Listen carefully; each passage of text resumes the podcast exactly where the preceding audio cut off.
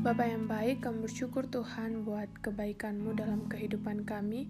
Benar Tuhan, seperti firman-Mu yang mengatakan bahwasannya tak berkesudahan kasih setiamu dan tak habis-habisnya rahmat-Mu dalam kehidupan kami. Selalu baru setiap pagi, itulah Tuhan besar kesetiaan-Mu. Bapa yang baik, kami rindu mengenal-Mu lebih dalam lewat firman-Mu. Kami rindu lebih belajar uh, tentang Engkau lewat firman-Mu, ajar kami, tuntun kami, berikan kami penerangan supaya kami semakin mengenal Engkau lewat firman-Mu. Jadilah Tuhan seturut kehendak-Mu dalam setiap kehidupan kami. Nilai Tuhan yang menjadi doa kami dalam nama Kristus Yesus yang adalah Tuhan dan Juru Selamat kami. Amin. Puji Tuhan, pagi ini renungan aku secara pribadi itu berasal dari ratapan 3 ayat yang ke-22 sampai yang ke-26. Uh, sebenarnya aku udah baca ini sampai yang ke sampai yang ke-66 tapi uh, aku mau fokus di yang ke-22 sampai yang ke-26. Nah, kita tahu bahwa ratapan adalah tulisan yang ditulis oleh eh, Nabi Yeremia di mana pada zaman pembuangan di Babel uh, Nabi Yeremia turut di dalamnya dan kemudian uh, Nabi Yeremia sedang meratap dan ia menuliskan tulisan ini. Nah, kita akan membahas ratapan 3 di mana ratapan 3 ini di ayat yang pertama sampai yang ke-20 berisi tentang keluhan-keluhan yang menyedihkan bagaimana Allah murka terhadap umatnya dan bagaimana dijelaskan juga buah-buah dari murka Allah itu uh, kepada umatnya. Namun di pasal yang ke 21 sampai yang ke-36 uh, di situ berisi tentang kata-kata penghiburan untuk umat Allah ketika mereka terjerat dalam masalah dan kesusahan yang mereka hadapi. Nah, uh, di sini firman Tuhan di ratapan 3 ayat yang ke-22 sampai yang ke-26. Namun uh, 21 ini berisi mengenai seperti uh, penyambung, bukan penyambung, seperti uh, apa ya? Seperti perubahan dari ayat yang ke-20 sampai ayat yang ke-20 ke yang ke-22. Di sini di ayat yang ke-21 dikatakan, tetapi hal-hal inilah yang kuperhatikan, seperti mengontraskan antara yang ke-20 ke ayat yang berikutnya. Tetapi hal-hal inilah yang kuperhatikan, oleh sebab itu aku berharap dijelaskan di ayat yang ke-22, tak berkesudahan kasih setia Tuhan, tak habis-habisnya rahmatnya, selalu baru tiap pagi, besar kesetiaanmu. Tuhan adalah bagianku, kata jiwaku, oleh sebab itu aku berharap kepadanya. Tuhan adalah baik bagi orang-orang yang berharap kepadanya. Bagi jiwa yang mencari dia, adalah baik menanti dengan diam pertolongan Tuhan. Amin. Nah, di ayat yang ke uh, seperti yang aku jelaskan tadi di ayat yang ke-21 sampai yang ke-36 berisi mengenai kata-kata penghiburan bagi Israel atau umat Tuhan dan bagaimana uh, penderitaan itu uh, mendorong mereka atau menghibur mereka untuk mereka berharap kepada Tuhan. Nah, di ayat yang ke-22 dikatakan kasih setia Tuhan. Nah, kasih setia Tuhan dikatakan di sini tak berkesudahan kasih setia Tuhan. Kasih setia Tuhan di dalam bahasa Ibrani-nya di dalam bahasa aslinya ini dituliskan dalam bentuk jamak, tidak seperti bahasa Indonesia yang kasih setia Tuhan. Tapi kalau di dalam bahasa aslinya dikatakan kasih setia Tuhan dalam bentuk jamak, mungkin seperti dalam bahasa Inggris ada plus s-nya gitu ya. Di sini dikatakan kasih setia Tuhan ditulis dalam bentuk yang lebih dari satu yang menandakan melimpah dan beragamnya kasih setia Tuhan itu. Allah adalah sumber kasih setia yang tiada habisnya. Allah kita adalah Bapa yang penuh belas kasihan. Kita harus menyadari bahwasannya uh, Tuhan bisa menyatakan kesetiaannya dalam kehidupannya lewat bentuk yang beragam, lewat cara yang berbeda-beda. Kemudian dijelaskan juga tak habis-habisnya rahmat Allah. Rahmat adalah bentuk belas kasihan. Belas kasihannya tidak akan pernah berhenti dalam kehidupan kita sebagai umatnya. Belas kasihan Tuhan tidak berhenti pada kehidupan umatnya pada saat itu yang sedang mengalami kesusahan. Kita tahu bahwa umatnya uh, dibuang ke Babel, umatnya mengalami penderitaan dan kesedihan yang mendalam.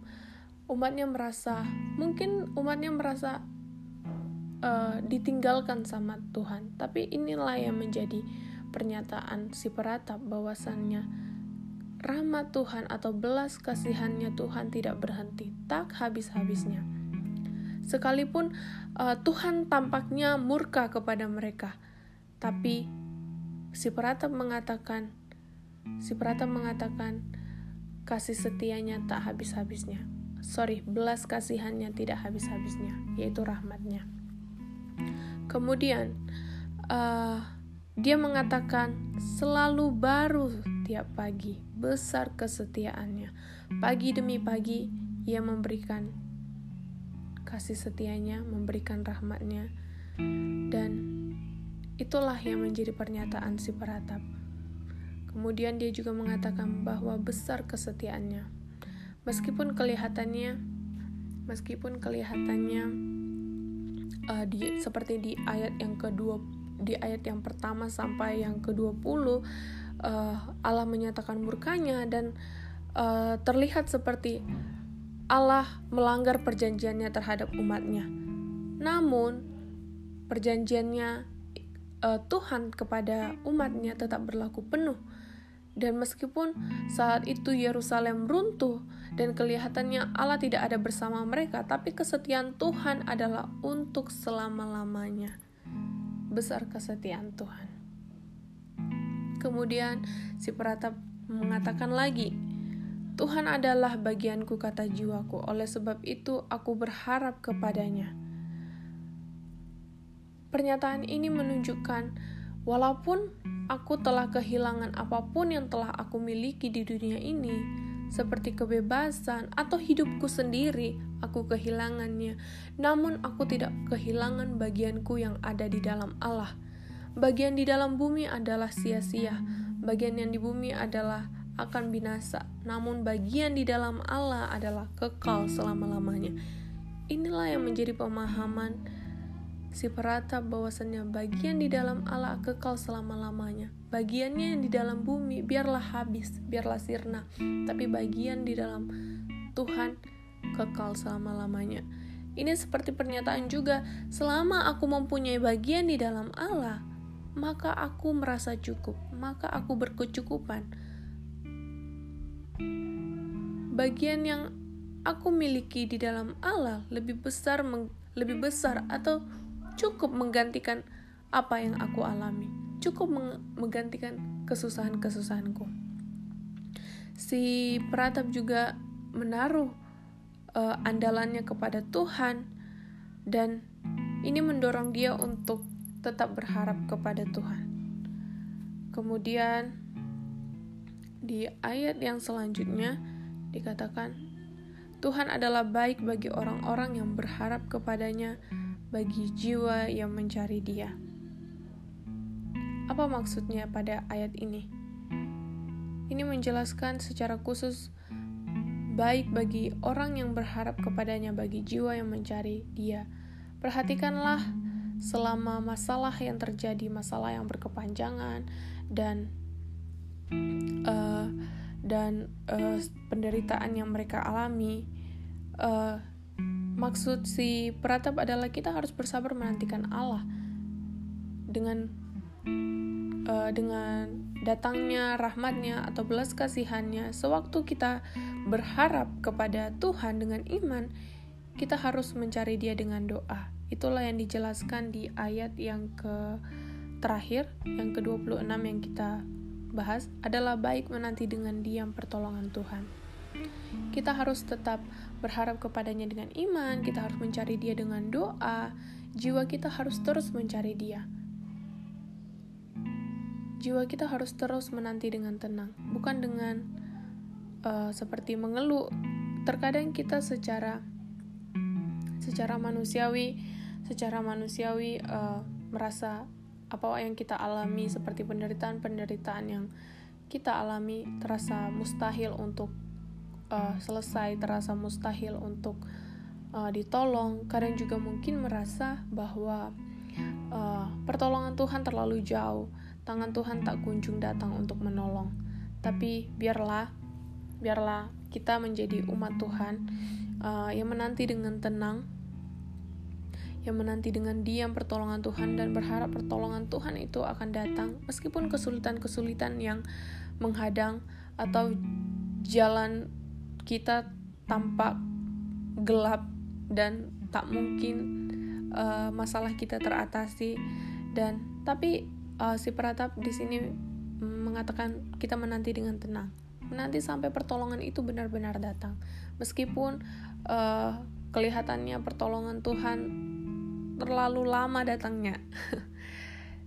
Tapi biarlah hati kita terus tidak berbantah kita tidak menyusahkan diri kita atau gelisah terhadap diri kita sendiri tapi biarlah hati kita terus berharap ya Bapa jadilah kehendakmu Ya Tuhan, jadilah kehendakmu dalam kehidupan kami. Biarlah Tuhan dalam kesusahan kami, kami terus menaruh harapan kami kepadamu. Satu hal yang harus kita pegang dalam setiap masalah kehidupan kita, kita harus berani mengontraskan masalah kita dengan kasih setia Tuhan yang besar dan tak habis-habisnya dalam kehidupan kita. Kita harus mengontraskan antara kedua hal itu masalah kita besar lebih besar kesetiaan Tuhanku. Biarlah apa pun yang menjadi masalahmu atau pergumulanmu atau kesedihan, kesusahan apa pun yang sedang engkau alami pada saat ini, biarlah engkau selalu menaruh harapanmu ke dalam tangan Tuhan yang penuh kuasa, tangan Tuhan yang adalah uh, tempat kita berharap. Biarlah Tuhan selalu menolong setiap kehidupan kita dan memampukan kita. Have a great day. Tuhan Yesus memberkati.